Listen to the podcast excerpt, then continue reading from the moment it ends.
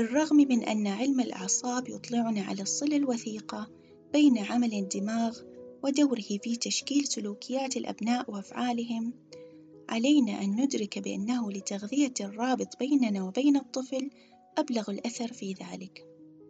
فعندما يكون الطفل مرتبطا بنا وبشكل آمن فإنه أكثر حرصا على الاستماع لنا والقرب منا وأكثر قدرة على التعامل مع العالم المعقد حوله وبطريقة فعالة.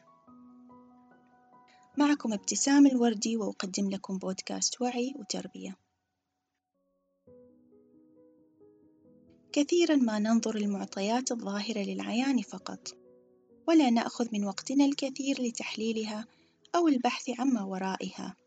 فمثلا معارضة الأبناء لما نطلبه منهم أو مقاومتهم لما نرغب به هو ما نراه منهم. لذات السبب نلجأ لمعاقبتهم. يعني مثلا طفلي عنيد ومشاغب ويرفض الاستجابة لي. فأول شي يخطر ببالي هو عقابه على هذه السلوكيات لأنها تضايقني وتقلل من احترامه لي. وعقابي له يضمن أنه على الأقل سيخاف من تكرار هذه الأساليب علي. هنا إحنا لم نفتش عن أصل المشكلة أو لنقل لم نبني أساسًا أقوى لمواجهة هذه المواقف أو التقليل منها بحيث تساعدنا على التعامل معها بشكل أفضل. لنعد إذا للوراء قليلا. لتلك اللحظة التي يأتي فيها الطفل للدنيا ضعيفا ومعتمدا على والديه بشكل كلي والاعتماد هنا وفي الحقيقة لا يكون على الحاجات الفيزيولوجية مثل المأكل والملبس والنوم فقط. بل وبنفس الأهمية يعتمد الطفل على من حوله لأجل حاجاته العاطفية والاجتماعية وحاجة الشعور بالأمان أيضًا. النمو العاطفي والاجتماعي شديدات تعقيد في الإنسان في اللحظة اللي نرى فيها مثلا المهر صغير الحصان مستقلا بذاته بعد ساعات قليلة من ولادته يحتاج طفل الإنسان إلى ما يقارب الثمنة عشر سنة ليصبح شخصا بالغا ويستقل بذاته ويعتمد على نفسه من كل النواحي نمو الطفل عاطفيا ودورنا كبالغين في رحلة نموه من جملة ما أثار استفهام علماء النفس والاجتماع والأعصاب ولسنوات هل نمط الاهتمام اللي يتلقاه الطفل وهو رضيع قادر على التأثير في نموه العاطفي والاجتماعي؟ هل هناك أنماط مختلفة لهذا الاهتمام؟ هل لطبيعة علاقتنا مع أبنائنا وهم صغار أثر على أساليب تعاملهم لاحقًا مع من حولهم، والأهم تعاملهم مع ذواتهم؟ إذا يرتبط الإنسان أو يتعلق مع من حوله منذ أولى ساعات ولادته، وهذا التعلق أو الارتباط هو ما يشعر الطفل بالأمان، إذا حاجة الطفل لنا حاجة بيولوجية أو حاجة جسدية، وعلينا كمربين العمل على تغذية شعور التعلق فيه وجعلها علاقة تعلق آمنة. فيمكن لنوعية العلاقة التي يتعرض لها الطفل بسنوات عمره الأولى أن تؤثر لاحقًا على حياته كلها. ويمكنكم الرجوع للحلقة السابعة من البودكاست واللي بعنوان أحبه وذلك يكفي، حيث تحدثت في هذه الحلقة عن تجارب لها علاقة بنظرية التعلق وأثرها على نمو الطفل. ما المهم في تطوير التعلق الآمن مع أبنائنا؟ يمنح التعلق الآمن للطفل الأساس المناسب للنمو بشكل صحي، فيحتاج دماغه لتغذية الأمان بقدر حاجته لتغذيته بالطعام. تشير بعض الأبحاث إلى أن استجابة هرمون الكورتيزول للمواقف التي تسبب التوتر عند الأطفال الذين يملكون ارتباطًا آمنًا أقل، ويعود الهرمون لمستوياته الطبيعية بشكل أسرع مقارنة بغيرهم من الأطفال. هرمون الكورتيزول هو الهرمون الذي يفرزه جسم الإنسان ليتعامل مع مواقف مثل التوتر والضغوطات، وبإفرازه يصبح الجسد في وضعية الاستنفار مثلا المواجهة أو الهرب. وتذكر بعض الأبحاث أن هناك علاقة بين مستويات الكورتيزول المرتفعة ونمط الارتباط أو التعلق غير الآمن لدى الأطفال، بمعنى أنه يظل مرتفعًا أو يرتفع بسرعة عند الأطفال الذين تربوا على نمط تعلق غير آمن. وبالطبع علينا الأخذ بالاعتبار البيئة التي يعيش فيها الطفل وغيرها من المؤثرات. مع استمرار نسبة ارتفاع الكورتيزول لدى الطفل فإن ذلك يشكل ضررًا له.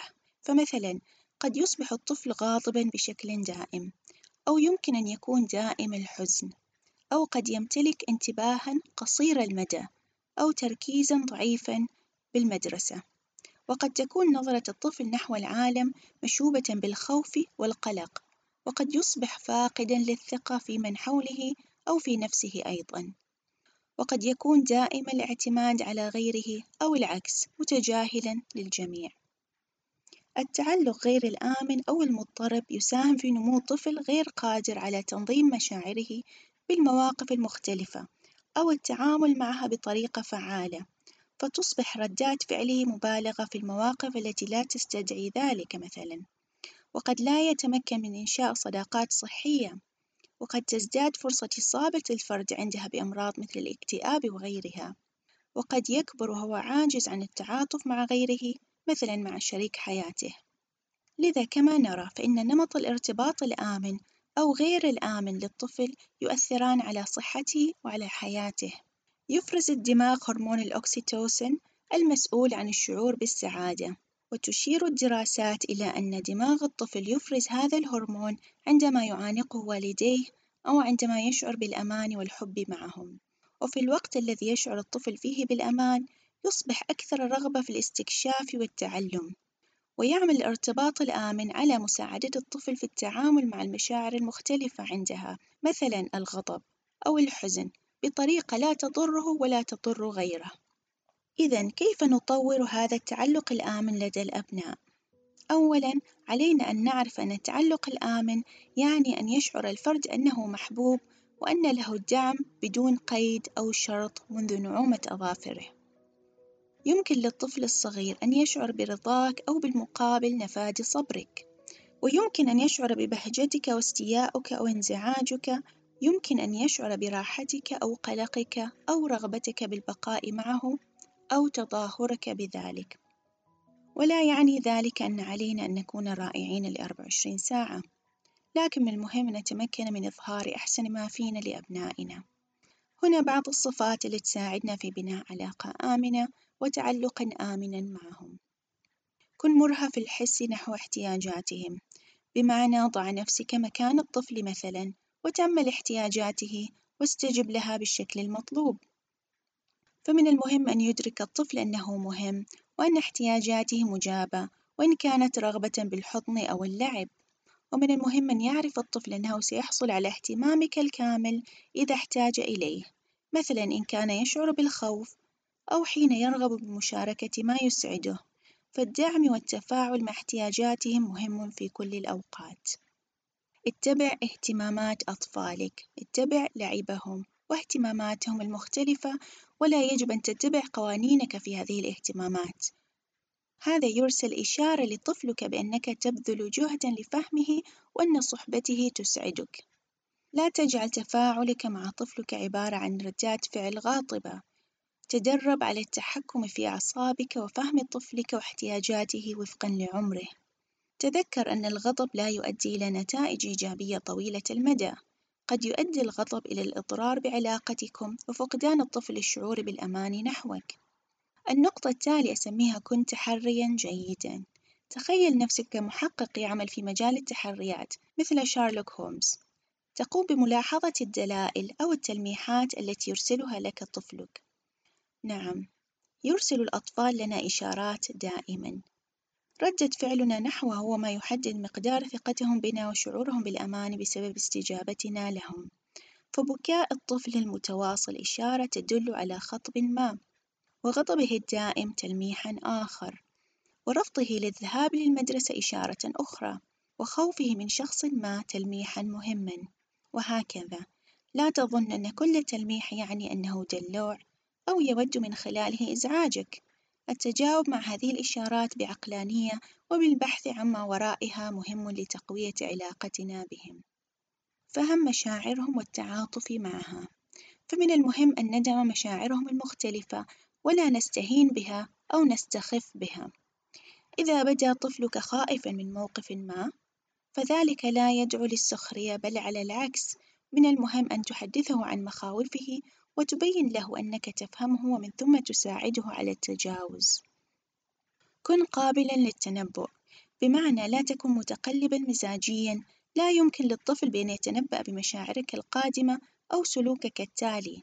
التقلبات المزاجية والغضب المفاجئ يوتران الأبناء ويزيد من مشاعر القلق فيهم. وكن قابلًا للتنبؤ في مختلف الأمور أيضًا، مثلًا وضح لهم أنك ستخرج أو ستخرج معهم ووضح لهم خططك بالذات إذا كانت لها علاقة بهم وإن كانوا جزءًا منها. وجود الوضوح يمنح الأبناء الشعور بالأمان ويساعدهم على التعامل مع القلق إن كانوا يعانون منه.